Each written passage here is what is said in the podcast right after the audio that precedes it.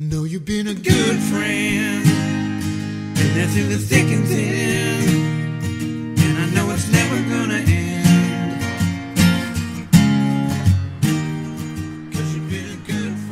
Hi everyone, welcome to our educative and lifestyle podcast.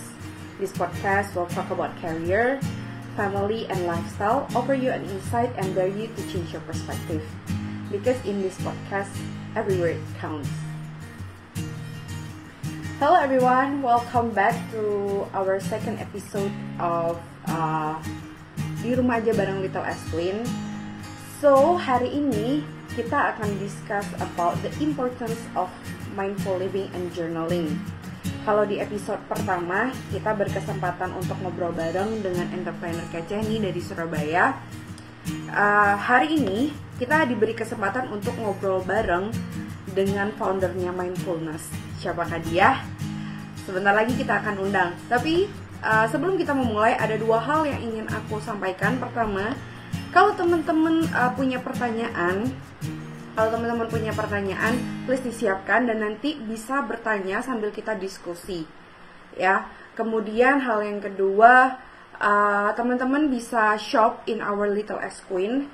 So we have a journaling, we have a journal books that you can shop, that you can uh, play around with. So uh, to enhance your productivity and creativity. So uh, make sure to check out our shops as well. And last but not least, I hope you all doing well, and I hope that uh, dengan stay safe di rumah, kita juga bisa stay sane ya. Jadi kita nggak terlalu overburden ketika kita kerja di rumah. Tapi kalau teman-teman overburden, yuk mari kita dengerin ya, kita dengerin live talk hari ini bagaimana bisa membantu uh, produktivitas kita di dalam work from home uh, dengan topik the importance of mindful living and mindful journaling. Sekarang kita mau undang uh, uh, narasumber kita hari ini. Sebentar ya.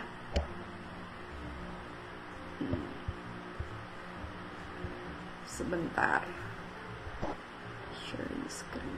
Alright.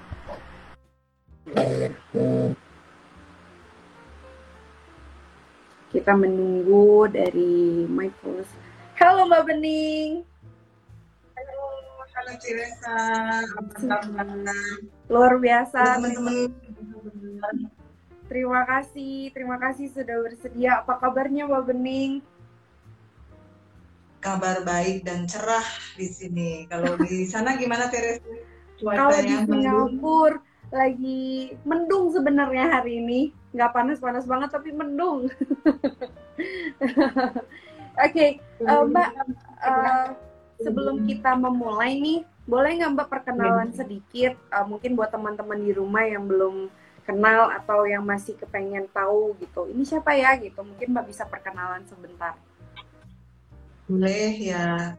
Terima kasih Teresa dan Little S Queen yang udah eh, ajak kita untuk join live eh, siang ini ya. Ini adalah good starting ya buat buat kita dan Mindfulness Indonesia. Eh, nama aku Bening Lara. Aku tuh founder dari Mindfulness Indonesia yang satu-satunya institusi yang eh, legal dan sertifikasi untuk mindfulness di Indonesia. Jadi kita juga uh, campaign, aktif di campaign kayak bilang, uh, produktif sekali. Itu memang iya, baik mau uh, from home or from anywhere, kita uh, kita selalu share dan campaign apa yang mindfulness Indonesia punya, uh, idea, program, kemudian partnership itu kita. Kalau Edwin yang uh, akan bawain topik mindful living and journaling. Selamat Oke. bergabung ya ya. Terima kasih Mbak Bening. Udah rumah, udah ngapain aja Mbak di rumah? Eh, di rumah ya. eh, jadi kan kita agak mendadak ini perubahannya, bukan agak ya, sangat mendadak ya. Di mana kita almost 12 hours itu di, di luar rumah, tiba-tiba harus ngerem, ngerem dari yang tadinya gasnya kecepatannya 100 70 km atau 80 km per jam per hour, uh, kita harus ngerem mendadak, ya kan? Nah ini um, buat saya ini challenging banget. Cuman untungnya karena uh, mungkin karena saya itu memang praktis mindfulness uh, all the time, jadi ketika ketika harus at home, uh, kreatif itu tuh nggak stuck sama productivity tadi. Uh, karena kita sudah belajar untuk dengan mindful living itu kita belajar untuk bukan belajar kita terlatih hmm. terlatih untuk uh, efisien dan tidak pantang menyerah. Jadi kayak sekarang itu kan sebenarnya challengingnya adalah uh, mood booster ya buat entrepreneur dan buat teman-teman yang berkarya uh, secara mandiri itu mood boosternya itu yang yang perjuangan banget uh, saat saat ini. Nah itu saya tidak mengalami itu karena mungkin kan uh, bukan uh, karena gini selama ini saya me merelatedkan dengan uh, terbiasa mindful tadi. Jadi terbiasa bangun tidur uh, itu udah uh, langsung mindfulnya itu sudah mengalir di energi gitu Teresa. Ya, setuju banget sih. Karena aku sendiri pernah, uh, aku sempat sharing dengan Mbak Bening kalau aku pernah ngambil short courses di Singapura untuk mindfulness. Dan selama itu aku pun mencoba dia um, disarankan untuk setiap bangun, mencoba untuk mindful walking, uh, short walking ke ke WC atau ke mana tetapi kita tetap mindful gitu dan itu bener-bener menurut aku penting banget apalagi untuk emosi kita gitu karena ternyata tuh dengan kita praktek mindfulness itu sendiri sebenarnya kita dapat uh, mengontrol emosi kita jauh lebih baik dan bisa jauh lebih tenang ketika kita bisa menghadapi sesuatu dan itu impactnya luar biasa sekali sih mbak ya dan buat teman-teman ini penting banget nih setelah Mbak Bening sharing-sharing seperti ini, salah satu yang teman-teman bisa lakukan sebenarnya adalah uh, work from home adalah meditasi. Karena itu bisa improve kita produktivitas seperti yang Mbak Bening sudah sarankan. Dan teman-teman, uh, kalau bingung caranya gimana, Mindfulness ID Mbak Bening sudah mengadakan, bahkan sedang mengadakan school emotion online ya Mbak ya, betul ya? Iya. Ya, kita punya apa program baru yang ini adalah idea starting sejak uh, corona pandemi itu School of Emotion karena kan kita banyak waktu nih kenalin diri sendiri dan terutama uh, adalah kita lupa kita punya resource namanya emotion hmm. yang itu powerful banget. Itu kapan Mbak boleh di-sharingkan? Mungkin teman-teman di sini bisa join nantinya. Uh, School of Emotion ini uh, kita selalu ada free live TV-nya seminggu dua kali. Kalau yang minggu ini hari Rabu jam 8 malam. Uh, biasanya mungkin dengan hari Sabtu atau Minggu nanti kita kita next scheduling kita lihat. Tapi yang yang paling dekat adalah hari Rabu ini jam 8 malam. Kita bareng-bareng untuk uh, bicara tentang uh, detail emotion kita uh, bukan untuk uh, bukan untuk uh, apa bukan untuk menggali-gali hal-hal yang nggak penting, tapi untuk menyadari bahwa kita punya resource yang sangat hebat yang kita lupa gunakan, yaitu emotional intelligence. Orang kan bicara IQ, IQ, IQ, ya kan? Nah, lupa. Ya, emotional intelligence itu powerful. Kayak tadi Teresa bilang kan, uh, dengan belajar mindful dari bangun tidur, memang kita tidak selalu tidak selalu bisa um, always mindful ya, untuk apalagi untuk di ya, sabar, sabar, uh, dan telaten. Nanti uh, dari praktis yang step by step, small, little little gitu ya sedikit sedikit itu akan membuat uh, energi mindful yang seperti bola salju mengecil mengecil membesar. Jadi uh, tidak perlu berburu-buru tapi kita bersabar dan mindful telaten terhadap daily living nanti misalnya aduh kok lupa ya gua nggak hari ini gua kayak apa tiba-tiba ke mana nggak main food nggak apa-apa. Itu teman-teman. Salah satu hal yang bisa teman-teman ambil dari work from home uh, meditasi dan kalau pengen tahu lebih detail follow instagramnya mindfulness.id dan juga bisa follow uh, instagramnya mbak Bening Lara uh, nanti di sana bakal dikasih detail-detail untuk uh, kelas-kelasnya atau tentang belajar tentang mindfulness lebih dalam lagi. Oke, okay, Mbak, hari ini tuh kita mau ngobrol nih mengenai the importance of mindful living dan juga mindful journaling nih Mbak. Nah, pertama-tama kita mau coba bahas seberapa pentingnya sih mindful living itu di kehidupan kita sekarang yang berputar cepat apalagi dengan adanya dunia digital ini. Setiap orang pasti kalau ngelihat ngelihat ada uh, notifikasi langsung cepet banget gitu untuk ngeresponsnya gitu. Kalau ada masalah tuh cenderung panik, cenderung stres, cenderung bingung mau seperti apa. Nah, itu tuh seberapa pentingnya sih Mbak untuk uh, punya kehidupan yang uh, mindful gitu. Oke, okay. uh, teman-teman, jadi mindfulness itu uh, kalau saya observe ya, saya observe dari situasi sejak uh, 2011 hingga ke sini, mindfulness itu udah kayak sesuatu yang basic need. Basic need itu seperti makan, minum, ya kan? Yang yang dulu orang tidak tidak tidak sadari. Sebenarnya mindfulness itu sudah ada di dalam diri kita semua, tapi karena kehidupan yang sangat cepat, informasi, teknologi, kemudian digital, kita jarang ketemu sama sesama manusia, itu justru membuat orang tuh sangat membutuhkan mindfulness uh, untuk uh, apa uh, menyadari bahwa uh, gue butuh nih justru setelah 2012, 13, 14, 15 permintaan untuk kelas-kelas mindfulness dan belajar breathing exercise itu jadi semakin tinggi. Karena ya itu tadi Teresa jadi uh, orang ada notifikasi pop up terus lihat teman Instagram temennya dia udah susah banget untuk mindful ya. Uh, lihat temennya posting jalan-jalan di Itali uh, dia ngerasa bahwa temen gue kok bahagia banget ya happy banget ya sukses banget ya. Itu udah itu udah bisa berhari-hari ada di eh, di dalam otak kita. Nah itu kan uh, artinya banyak hal yang sekarang yang membuat kita nggak mindful. Itulah gunanya mindfulness dan uh, mindful journaling ini. Hmm. uh, yang ini membuat kita bisa menentukan keputusan yang lebih efisien di dunia yang penuh sangat penuh sekarang every day break apa uh, tidur langsung distraction jadi hal ini dan utamanya kita itu miss miss miss miss terus kelewat kelewat skip skip skip kita justru malah melakukan yang distraction ini gitu kan uh, saya bilang itu guys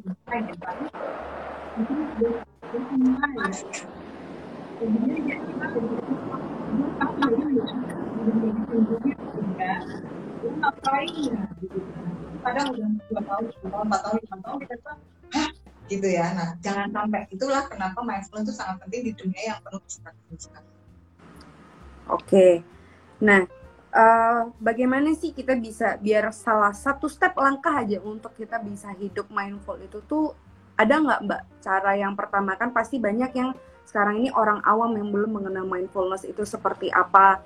Dan kayaknya tuh banyak mendengar tapi mereka belum belum mengerti sepenuhnya kira-kira untuk orang-orang seperti ini langkah pertama apa sih yang bisa mereka lakukan yang simple untuk mereka bisa punya mindful living gitu mbak? Uh, pertama untuk kita bisa mindful living ya. Pertama, yang sangat pertama sekali adalah dan saya sering mention di kelas-kelas saya menyadari tidak ada jadi kita mindful living tadi ya kan? Hmm. satu itu. Tidak ada yang instan segala sesuatu butuh praktis uh, untuk kita bisa mulai dari menyadari pertama kita kan gimana itu agak sering lah ya kan? Karena kan sebenarnya ini bisa dilakukan everywhere anytime every time ya sambil nyetir duduk di MRT di uh, komuter lain di busway uh, sambil ngopi ya kan gitu kita bisa cium bau kopinya, cium bau lemon tea-nya uh, itu itu yang pertama kali kita lakukan sebagai beginner ya. Uh, jadi kita nggak usah yang muluk-muluk dulu. Terus kalau pas mandi kita kita kan apalagi kalau kalau cowok sekarang juga suka sabun mandi yang harumnya uh, lucu-lucu ya. Nah, nah itu benar-benar dirasain airnya pas uh, apa pas kena kena kena kulit, nah, kena sensori sensori kita itu seperti apa. Nah, apalagi di work from home, orang biasanya mandi pagi kalau berangkat ke kantor. ini sekarang nggak nggak ke kantor itu dia jadi kalau nih jam 11 siang atau jam uh, 12 langsung mandi yang mindful mandi. Itu Hmm. bisa fresh. Yang mindful kita kita apa bawa alat mandi kita yang kita sukai jadi scrub uh, sabun yang udah kita kita pilih ya harumnya. Mandi ini work home from home ini justru sangat penting mandi. Karena untuk untuk mengalihkan ini tadi yang uh, yang apa distraction distraction itu mandi yang mindful jadi ketika air hangatnya itu kena kulit atau air dingin itu kena kulit nah itu langsung rasain rasain uh, terus kita ngomong sama kulit gitu ya. Kita kita terus pas kita gosok sabun kita kita juga ngobrol sama kulit. Jadi manfaatkan gitu kan. Kamu halus ya kulitku ya. Kalau pengen putih juga ngomong "Eh, kapan ya lu putih ya? Kayak gitu. Jadi kita berakrab-akrab ketika mandi itu jadi itu simpelnya seperti itu Teresa Jadi campuran antara the power of words, uh, kata-kata yang kita keluarkan dan juga uh, belajar untuk menyadari ya apa yang kita lakukan pelan-pelan gitu ya Mbak ya. Saya setuju banget sih karena yang karena saya ini punya bawaan uh, anxiety, uh, gampang banget untuk kena anxiety. Jadi kalau ketemu sama orang baru atau di MRT kadang-kadang tuh bisa anxiety dan bisa anxious. Dan teknik untuk breathing ini itu sebenarnya membantu sekali untuk aku bisa stay uh, di saat itu gitu. Jadi walaupun hanya semenit dua menit tapi tuh kadang-kadang kalau kita praktek tiap hari itu tuh membantu sekali gitu. Jadi membantu kita untuk fokus kembali ke masa yang saat ini gitu tidak memikirkan apa yang sudah dilampau ataupun yang sudah uh, ataupun yang sesudah itu gitu. Dan itu tuh harus banget sih aku sih secara pribadi untuk teman-teman belajar teknik breathing itu. Pasti di mindfulness ID, ID pasti ada dan teman-teman very much welcome untuk join kelasnya mindfulness ID gitu ya mbak ya Iya, jadi di live kita yang free juga, uh, saya selalu memberikan dua minimal dua teknik breathing. Uh, Jadi di setiap sesi live, uh, Teresa di live IG kita, uh, saya pengen teman-teman join juga karena ini uh, kita bisa belajar bareng breathingnya. Nanti kalau misalnya ada ada yang nggak tahu bisa langsung tanya ke saya gitu kan.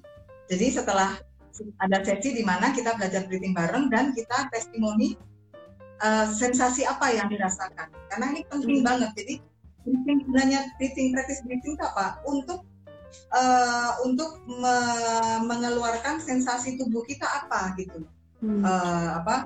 Jadi kita tuh dalam mindfulness kita ramah sama diri sendiri kita cinta-cinta sama diri sendiri kita eh, ih kamu kok uh, denyut-denyut ya? Kayak gitu. Nah itu itu setelah teknik muncul sensori apa eh, sensasi-sensasi yang berbeda-beda setiap orang ada yang mbak kupingku tiba-tiba panas mbak atau apa aku panas nah itu itu yang yang kita kita kita berusaha untuk menjadi lebih sensitif Hmm, iya, setuju banget, Mbak. Eh, sedikit pertanyaan nih, Mbak. Mungkin teman-teman akan mungkin ada yang bertanya, eh, mungkin mindfulness itu sama nggak sih seperti dengan yoga? Eh, mungkin ada juga yang kayak meditasi-meditasi yang lainnya. Itu gimana, Mbak? Kalau Mbak menanggapinya? Um, mindfulness itu kan way of life ya pilihan untuk melakukan hidup yang penuh uh, mindful yang penuh kewaspadaan dalam artian waspada itu bukan karena hanya karena ada bahaya mobil lewat ya jadi mindful itu adalah way of life perkara dilakukannya melalui yoga melalui meditasi atau melalui uh, tai chi atau apa pun ataupun ritual sholat atau ritual ke gereja ke temple itu bisa Hmm. dalam artian itu adalah cara untuk menuju mindful. Nah, sedangkan Hmm. mindfulness sendiri yang jadi eh, saya eh, menemukan metode juga mindfulness without meditation. Jadi meditation itu atau yoga adalah salah satu cara untuk menjadi mindful. Eh, artinya mindful itu adalah pola pikir juga, pola rasa, di mana seseorang dibantu untuk melakukan breakthrough ketika dia mengalami masalah. Nah, Hmm. uh, meditasi, yoga dan apa pun itu itu adalah cara untuk menuju ke mindful. Apakah bisa dipahami? Ya ya ya ya. Jauh lebih mengerti ya. Jadi sebenarnya mindfulness itu way of life, tetapi cara yang di cara yang digunakan itu bisa berbagai macam gitu ya. Betul Mbak, bukan begitu? Oke. Nah uh, untuk teman-teman yang sudah join, ya. Uh, jadi memang untuk yang paling instan kalau uh, pengalaman saya itu adalah breathing exercise. Itu paling instan whether breathing exercise dinamakan meditasi atau apa pun, menurut aku uh, itu boleh-boleh aja, ya kan? But breathing exercise is exercise. Jadi itu yang paling instan untuk uh, memahami apa itu mindfulness. Hmm, Oke, okay. jadi teman-teman memahami dulu uh, mindfulness itu apa, kemudian dari sana kita baru go down the road bareng-bareng caranya seperti apa. Oke nih, terima kasih ini untuk teman-teman yang sudah join siang hari ini, udah stay tune with us. Uh, untuk teman-teman yang mungkin ada yang mau bertanya, boleh banget. Itu ada kolom questions, ada kotak, terus ada tanda tanya. Teman-teman kalau mau bertanya di sana boleh banget gitu, sambil kita ngobrol-ngobrol di sini. Oke Mbak, terus kita masuk nih. Uh, dengan tema kita yang selanjutnya adalah mindful journaling. Nah, berkaitan dengan mindful living, sebenarnya itu ada nggak sih kaitannya antara mindful living dan juga mindful journaling? Dan seberapa besar andil mindful journaling itu dengan kehidupan uh, kita yang mindfulness ini gitu, mindful living? Gimana Mbak? Uh, Teresa, aku boleh nanya ya, karena aku tuh membaca soal journaling tuh sekitar enam bulan yang lalu lewat Jakarta Post ya apakah itu benar seperti menulis diary atau uh, jadi kita menuliskan apa yang kita rasakan, yang kita lihat seperti itu, betulkah? Uh, uh, journaling.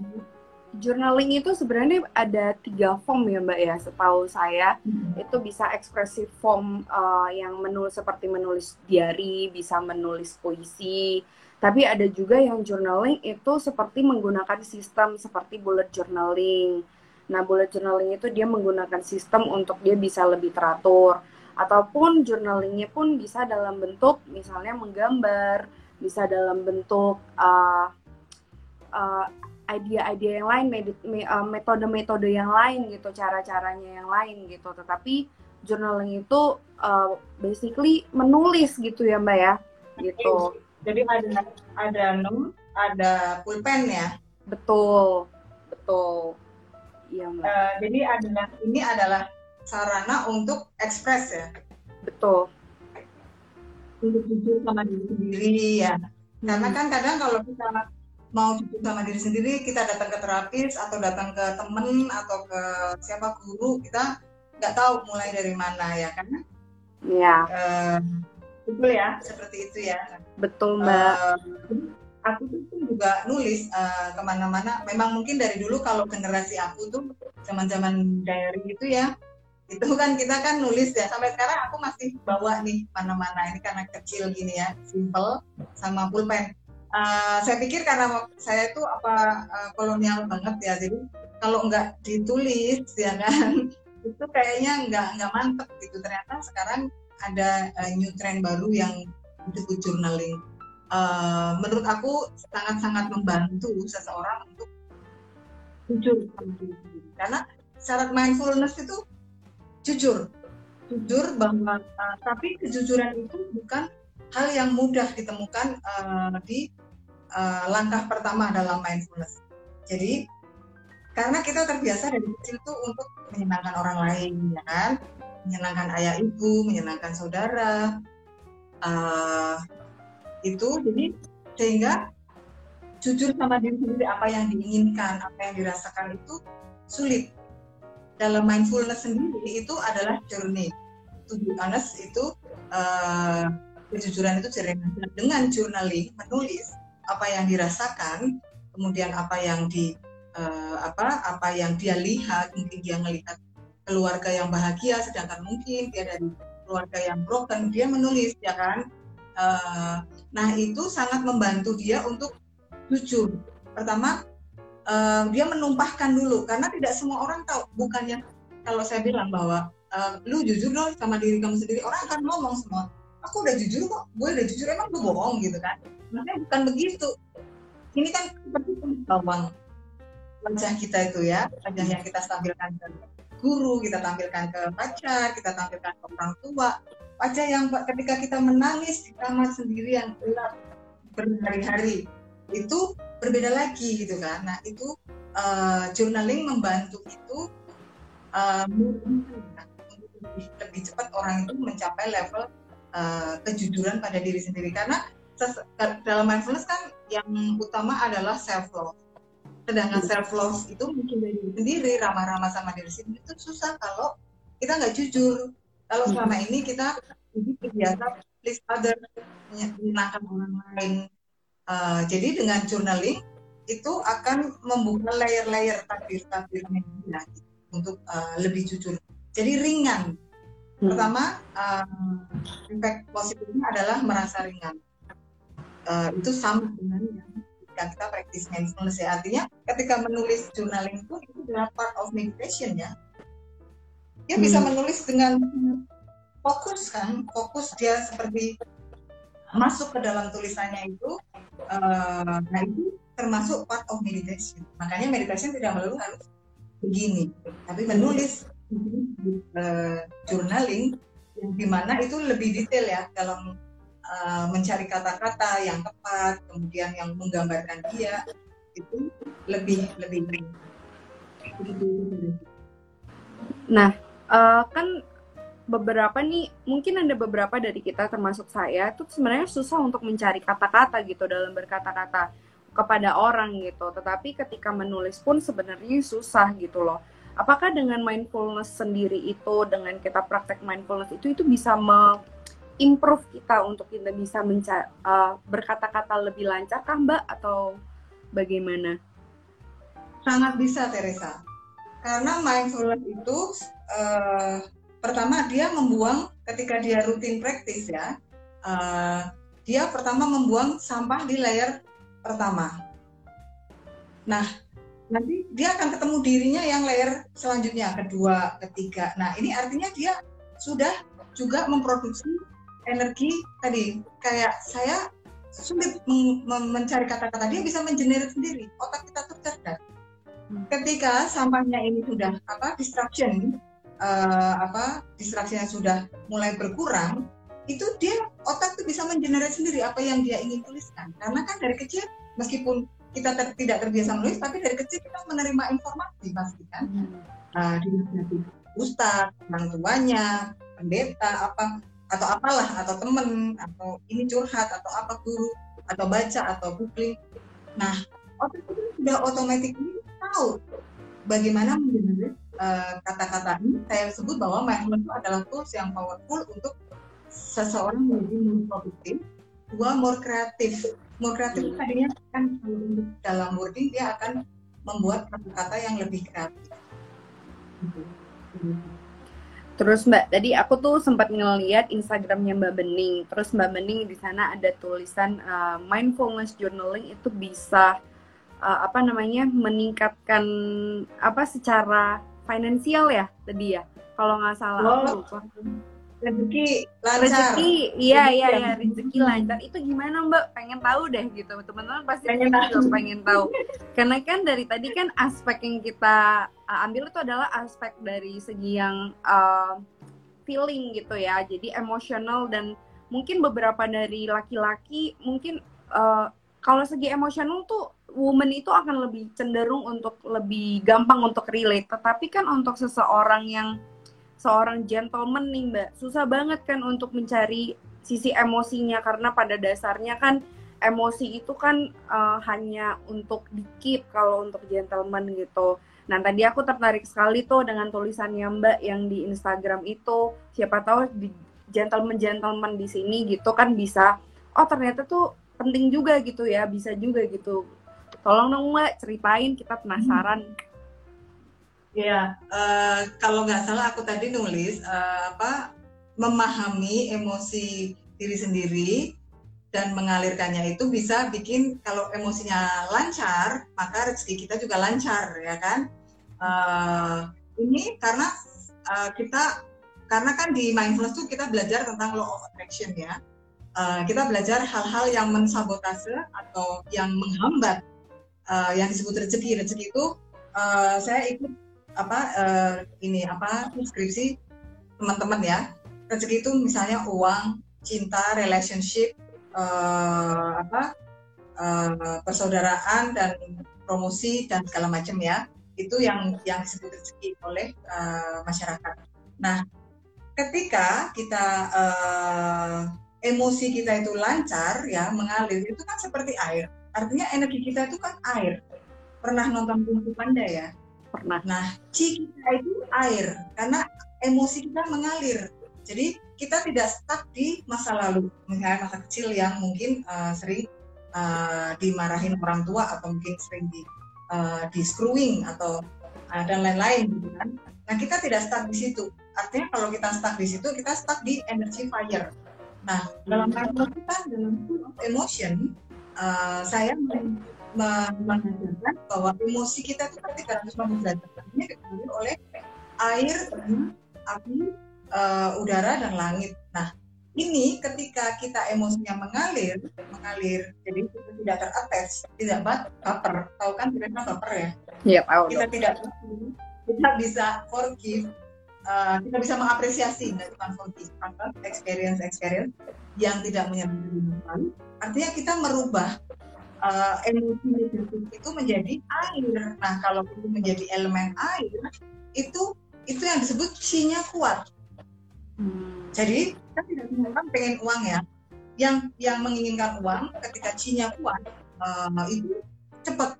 Dia lang apa um, flowing apa ketika dia ini dia, dia memang harus tetap berusaha tapi tidak terlalu banyak hambatan. Ketika dia menginginkan ketika itu kebutuhannya ada di gelas maka dia juga cepat karena cinya adalah air itu tadi maksud saya tulisan saya ketika kita paham em, apa uh, bahwa emosi negatif dan positif harus kita terima dan kita alirkan seperti air nah itu kita hoki kalau uh, Chinese film hmm. kalau Kung Panda bilang cinya mengalir hmm. segala abundance life yang disebut abundance itu harus berada di posisi itu. Hmm. Makanya hmm. kita ingin hidup yang uh, keberlimpahan, ya emosinya dialirkan dulu. Tidak melulu hanya kita bicara kita harus pinter bisnis atau apa nanti kita uh, nggak melulu harus seperti itu. Tapi pertama adalah kita belajar bisnis untuk mengalirkan chi emosi tadi. Hmm. Emosi itu jangan di tapi kayak kemarin saya jelaskan di, di live live saya itu adalah experience di travel. Seperti kalau kita ke Bali, kita happy dengan di sana ya, sore-sore kita ke pantai, pagi-pagi ke pantai, malam-malam kita hang out. Terus kita attach dengan Bali, kan itu nggak bagus. Jadi emosi itu seperti travel aja, traveling, traveling emotion. Kita kunjungi, oke, okay, oh ya gue lagi marah dulu gue lagi nih. Oh ya gue lagi dibully nih. Oh gue lagi dipikirin nih. Oh gue lagi dibenci nih. Ya udah. Gitu. Nah itu mengalirkan chi kita. Otomatis rezeki akan easy uh, I prove it. Uh, jadi ketika kita ada yang stuck entah relationship entah rezeki artinya emosi kita ada yang stuck itu pasti. Jadi ketika saya temu klien pun akan cek emosi. Stuck di mana itu yang mensabotase apa yang disebut dengan sleeping. Hmm. Seperti itu Teresa. Oke okay, oke okay, oke okay. interesting ya untuk di untuk untuk dipraktekkan nih teman-teman ya apalagi di masa-masa corona stay at home uh, mengalirkan emosi itu pasti apalagi kalau misalnya work from home nih uh, terus sudah berkeluarga punya anak itu kalau work from home kan kebanyakan kalau saya dengar-dengar dari cerita teman-teman semua kurang produktif karena anak berseliweran dan emosi pasti juga akan meningkat gitu ya dari versi biasanya gitu. Nah, ini dengan hidup mindful gitu juga dapat menolong dan juga dengan menulis ya Mbak ya. Sebenarnya basically ya. uh, uh, basically itu dengan menulis dengan what dengan segala form dan segala teknik itu sebenarnya bisa membantu mengalirkan emosi-emosi yang ada gitu. Mbak ini ada yang nanya nih, bentar ya kita coba lihat dari Irma Mairah Farhana. Halo, e, menulis afirmasi setiap pagi termasuk journaling? Iya, itu termasuk journaling gitu. Kita menulis Nah, tapi kalau buat aku pribadi menulis itu uh, bisa di berbagai platform. Tetapi kalau kita bisa nulis di buku itu sebenarnya jauh lebih baik uh, karena ada ada aliran-aliran yang dari tangan mengalir ke dari badan kita, dari otak kita ketika kita menulis di buku itu ada benefitnya tersendiri gitu. Jadi menulis afirmasi, saya pun menulis afirmasi tapi setiap malam. Di buku ada jurnal diary saya juga gitu. Mungkin ada Mbak dari pertanyaan dari Mbak ada pernyataan um, atau mau mempertanyakan sesuatu. Kalau untuk mengalirkan energi sih menulis apa pun itu uh, bisa ya uh, apa afirmasi, keinginan, uh, emosi, harapan. Uh, hanya saja ketika kita afirmasi, kita tuliskan juga yang lain-lain gitu loh. Hmm. Uh, kalau aku tahu sih ya yang aku tahu kan kita ingin honest pada diri sendiri. Uh, jadi kita tuliskan dulu perkara diri kita dulu, perkara diri kita nih about about ourselves itu dulu gitu. Nah, um, and then uh, or before itu nanti afirmasi afirmasi that's okay lah itu uh, lebih keren ya. Uh, hmm. Tapi perkara ourselves, our uh, our hate, our anger, our apa itu di, di, dikeluarkan dulu gitu untuk uh, mengalirkan emosi tadi tips seperti itu cuman ya. ada yang mau ditambahkan lagi mbak tadi mau ngomong kayaknya belum selesai saya potong mohon maaf Iya, cuman uh, kalau jurnaling kurasa Teresa lebih lebih expert di sini. Seperti iya kita tuh suka mempro kita tuh basically Little Aspen buat teman-teman di sini yang belum tahu Little Aspen itu adalah platform uh, social entrepreneur, platform untuk yang mendukung kegiatan mental health through journaling. Jadi kita percaya bahwa dengan kita menulis dengan journaling itu merupakan salah satu uh, cara untuk proses healing gitu, untuk emotional healing kita, untuk physical healing juga gitu. Nah, platform ini sebenarnya terbangun karena satu pengalaman pribadi, kedua karena memang uh, pengalaman pribadi yang mempunyai background depresi, stress, anxiety, kemudian dengan menulis saya menemukan kembali oh ternyata tuh menulis tuh dapat menyalurkan emosi seperti yang Mbak Bening bilang itu. Karena jadi yang tadinya awalnya pikirannya ruwet ketika saya menulis ternyata saya melihat wah ternyata tuh ada jalannya ada solusinya ya seperti ini gitu. Nah uh, mungkin jenis-jenis uh, menulis itu pun journaling itu pun berbagai macam seperti yang tadi aku bilang gitu. Uh, ada expressive writing misalnya dengan menulis afirmasi dengan uh, dengan free free writing gitu karena aku sendiri setiap hari uh, yang aku suka tulis adalah free writing, expressive writing, dear diary gitu. Jadi yang aku lakukan adalah menulis tentang diriku, kemudian nanti oh ternyata ada afirmasi yang lain, persis sama persis dengan apa yang Mbak Bening katakan gitu. Karena aku kedua juga nggak bisa doodling ya nih, karena ada yang nanya doodling apakah juga termasuk doodling itu termasuk karena itu juga menyalurkan ekspresi kita, emosi kita. Ada beberapa orang yang nggak bisa berkata-kata, tapi ada orang yang mungkin mereka bagus di dalam oh ekspresif mereka dengan gambar, dengan uh, menyalurkan emosinya dengan menulis, dengan menggambar, uh, dengan berkarya. Itu salah satu juga yang sangat positif dan itu termasuk journaling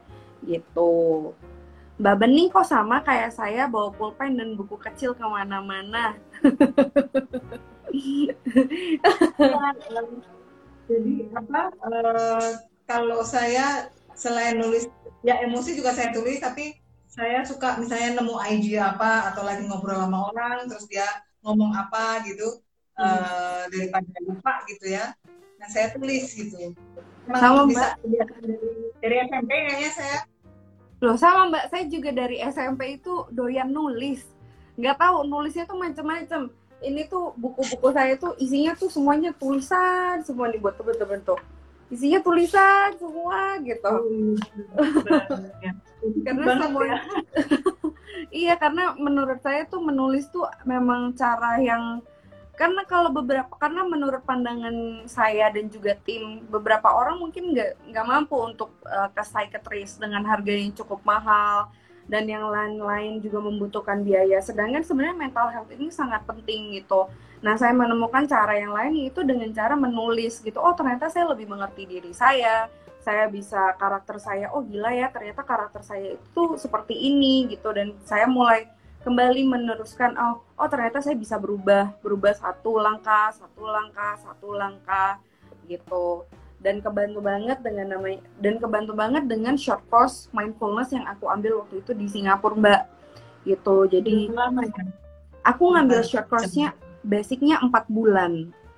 Gitu. Hmm. empat bulan. Jadi uh, mereka kasih buku aku uh, kayak handbook seperti ini mbak gitu. Hmm. Terus- itu setiap hari atau? satu minggu sekali. Satu minggu, Satu minggu sekali, durasinya sekitar dua jam sampai dua setengah jam gitu. Hmm. jadi mereka Offline mengajar ya? Eh, ya kita ketemu bukan online kita ketemu. Jadi kita eh, di sana mereka mengajarkan basic-basicnya nih. Contohnya kayak eh, reducing automatic pil- eh, pilot dealing with barriers simply being eh, being curious force are just force taking care of myself acceptance and change. Gitu-gitu mbak. Jadi kayak setiap minggu tuh belajar dari sana saya mulai punya ketertarikan wah ternyata tuh ini tuh sesuatu yang sangat berguna sekali gitu. Dan sempat nyari sih waktu itu dan ketemunya mindfulness ID gitu. Gitu. Oh, ketemu juga ya? iya ketemu juga gitu mbak. Gitu. Iya teman-teman kalau misalnya googling mindfulness Jakarta atau mindfulness Indonesia, memang kami ada di urutan yang yang pertama gitu. hmm, iya betul itu mbak nanti kapan-kapan kita ngobrol-ngobrol lagi ya saya bakal tanya sama Zanet untuk program trainernya itu Boleh boleh kayak itu ada tim dari press ya. iya Eh, karena ini memang apa ya, memang waktunya. Jadi saya sering kadang ngomong di beberapa forum ya bahwa eh, mengapa mindfulness itu mulai eh, naik trennya itu adalah karena isu tentang mental health dan depression itu semakin kuat anak-anak yang baru SMP, eh, anak-anak SMA, baru kuliah, baru awal-awal kerja itu mereka sudah mengalami depresi yang luar biasa. Di mana kalau zaman dulu ya depresi itu cuma anak-anak broken home. Sekarang enggak. Hmm. Sekarang orang tuanya ibunya perhatian, ayahnya sangat perhatian, main-main aja, anaknya depresi. Itu Iya. luar biasa. Jadi kondisi-kondisi yang too many distraction dan information inilah yang membuat uh, otak gampang depresi. Depresi itu bukan hanya uh, masalah uh, apa uh, orang tuanya cerai atau anaknya ini nggak nggak nggak lulus sekolah. Yang depresi itu justru anak-anak pinter. Uh, Jadi mereka bisa mendapatkan prestasinya bagus, uh, dia mau uh, liburan ke mana dia bisa, gitu kan. Nah itu itu justru yang de- yang de- kan depresinya sudah ke seluruh lapisan Reza. Itulah makanya mindfulness tuh jadi ngetren ya. Saya yang saya pikir dulu, ini kenapa sih orang butuh mindfulness? Saya, saya malah nggak yakin dulu tuh. Saya selalu nanya, kenapa kamu, belajar meditasi? Kenapa kamu tertarik dengan mindfulness? Selalu saya tanya gitu. Karena eh, apa? Seperti seolah nggak percaya, tapi ternyata terakhir-terakhir ini memang eh, depresi itu sudah ke semua lapisan. Nggak cuma hanya broken home atau uh, orang yang tidak punya uang atau nggak punya pekerjaan. Orang yang mapan dan everything fine itu terancam untuk depresi. Setuju Mbak, karena waktu itu saya karena eh, sharing sedikit ya sebelum kita closing. Eh, karena waktu itu juga saya juga sempat nggak percaya kalau saya itu kena stres sama depresi karena selama ini kehidupan saya baik-baik saja gitu segala sesuatu baik-baik aja. Tetapi kenapa ya kok bisa kayaknya tuh depresinya tuh sampai kena gejala fisikal. Nah, ke- ketika kena gejala fisikal ini akhirnya saya memutuskan untuk ke psikiatris dan saat itulah saya tahu bahwa oh psikiatris itu mahal sekali ya dan dan yang ngantri kalau di Singapura banyak banget mbak yang ngantri itu banyak Hmm. banget dan kelihatan tuh orangnya yang di luar itu sangat sangat sangat very calm uh, sangat teratur hidupnya dan bukan orang yang susah tetapi benar-benar orang yang pakai bajunya tuh sangat formal kalau di sini tuh kayak orang-orang yang kerja di CBD mbak dan mereka tuh Hmm. bener-bener wah wah ternyata tuh banyak ya ternyata di sini dan dan sekali pergi aja itu bisa mengha- menghabiskan ratusan dolar gitu dan dari sana akhirnya timbul oh mungkin ada cara lain nih. Oh dengan menulis gitu aku menemukannya gitu mbak. Oke untuk terakhir nih mbak. Tips and trick dong untuk stay healthy mentally jiwa dan raga untuk para pejuang work from home.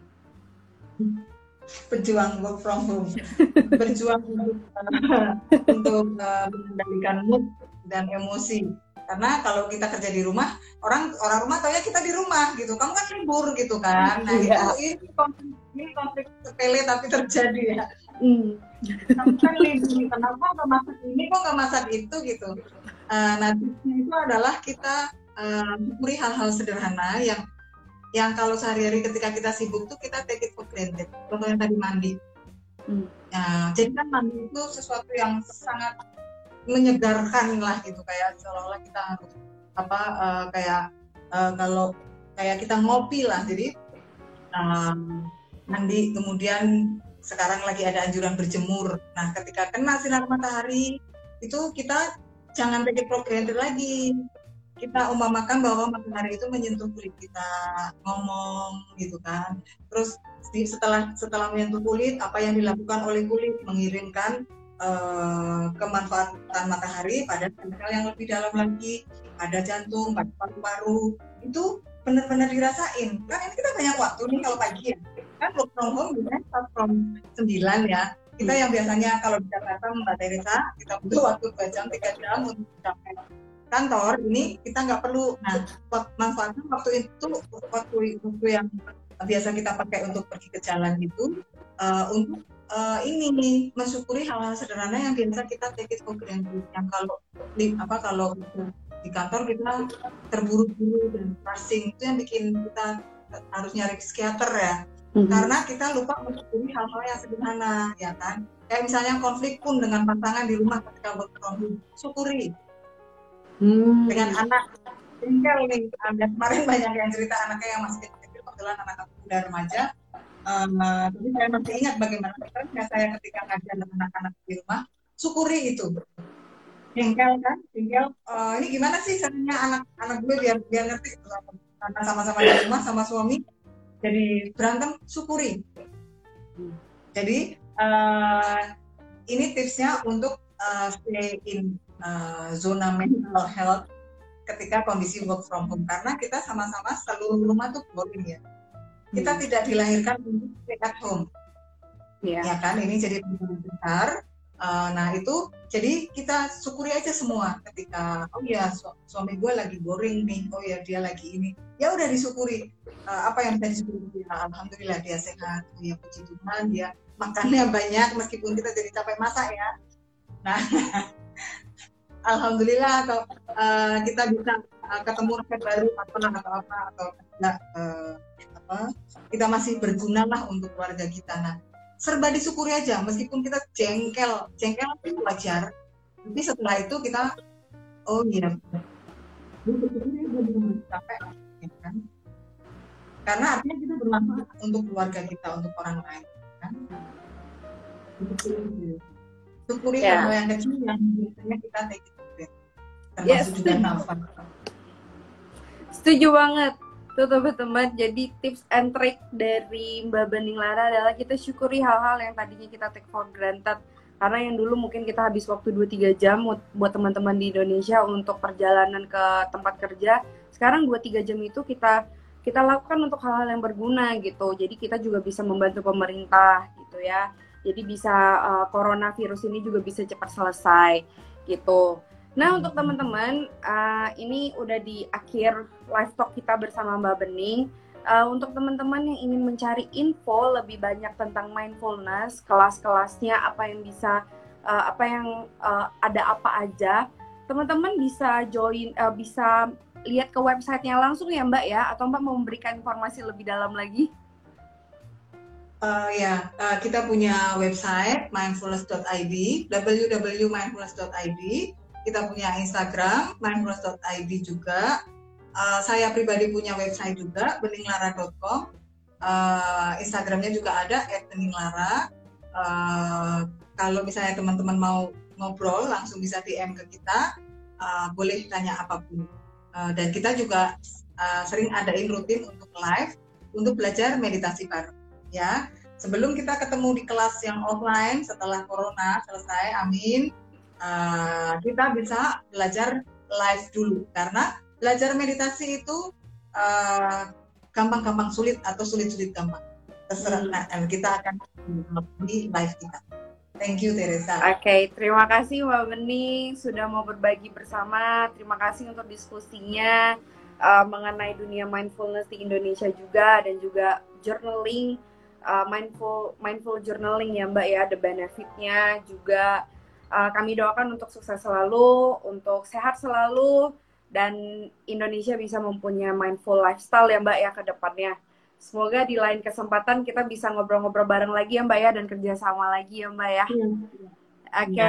Um, terima kasih. Aku juga doain untuk Little S Queen uh, dengan kampanye journaling itu bisa uh, masuk ke Indonesia lebih lebih penetrate. Ya, oke. Ya, terima kasih Mbak. See you again. Mbak. Ya. Ya, bye. Oke teman-teman, terima kasih banyak yang udah join dan juga stay tune uh, selama kita uh, live ini. Hopefully ilmu-ilmu yang dari Mbak Bening dan juga sharing dari kami berguna buat teman-teman dan bisa menjadi lebih baik lagi satu hari ke depannya. Untuk next talknya, uh, untuk next talknya itu setiap hari uh, hari Kamis. Jadi kita akan ada live talk selama bulan ini hari Selasa dan hari Kamis. Hari Kamis kita akan membahas tentang influence from home. Jadi teman-teman yang lagi work from home untuk para millennials, untuk mungkin yang teman-teman bingung mau ngapain ya, bisa join kita hari Kamis di jam yang sama. Uh, nanti akan ada narasumber yang lainnya. So teman-teman jangan lupa untuk shop di Little S Queen. Uh, kita mempunyai berbagai macam jurnal terbaik untuk meningkatkan produktivitas dan kreativiti kalian. Produk baru akan meluncur di bulan depan teman-teman. Uh, bulan depan maaf ada pe- ada penundaan karena ada coronavirus ini. Uh, tapi tetap make sure to stay tuned because good promo on is on the way. Bakal ada giveaway juga di live talknya. Okay, alright. Thank you for joining with us and loving this this podcast. Don't forget to shop, subscribe this podcast, and follow us in our social media page. Kita ada Facebook, Twitter, Instagram at Little Asquin, or you can say hi to me at Teresa Churchill. And remember to always give your best every day, everything, and be kind to one another always. Stay safe, guys. I love you all. Thank you. God bless. Bye.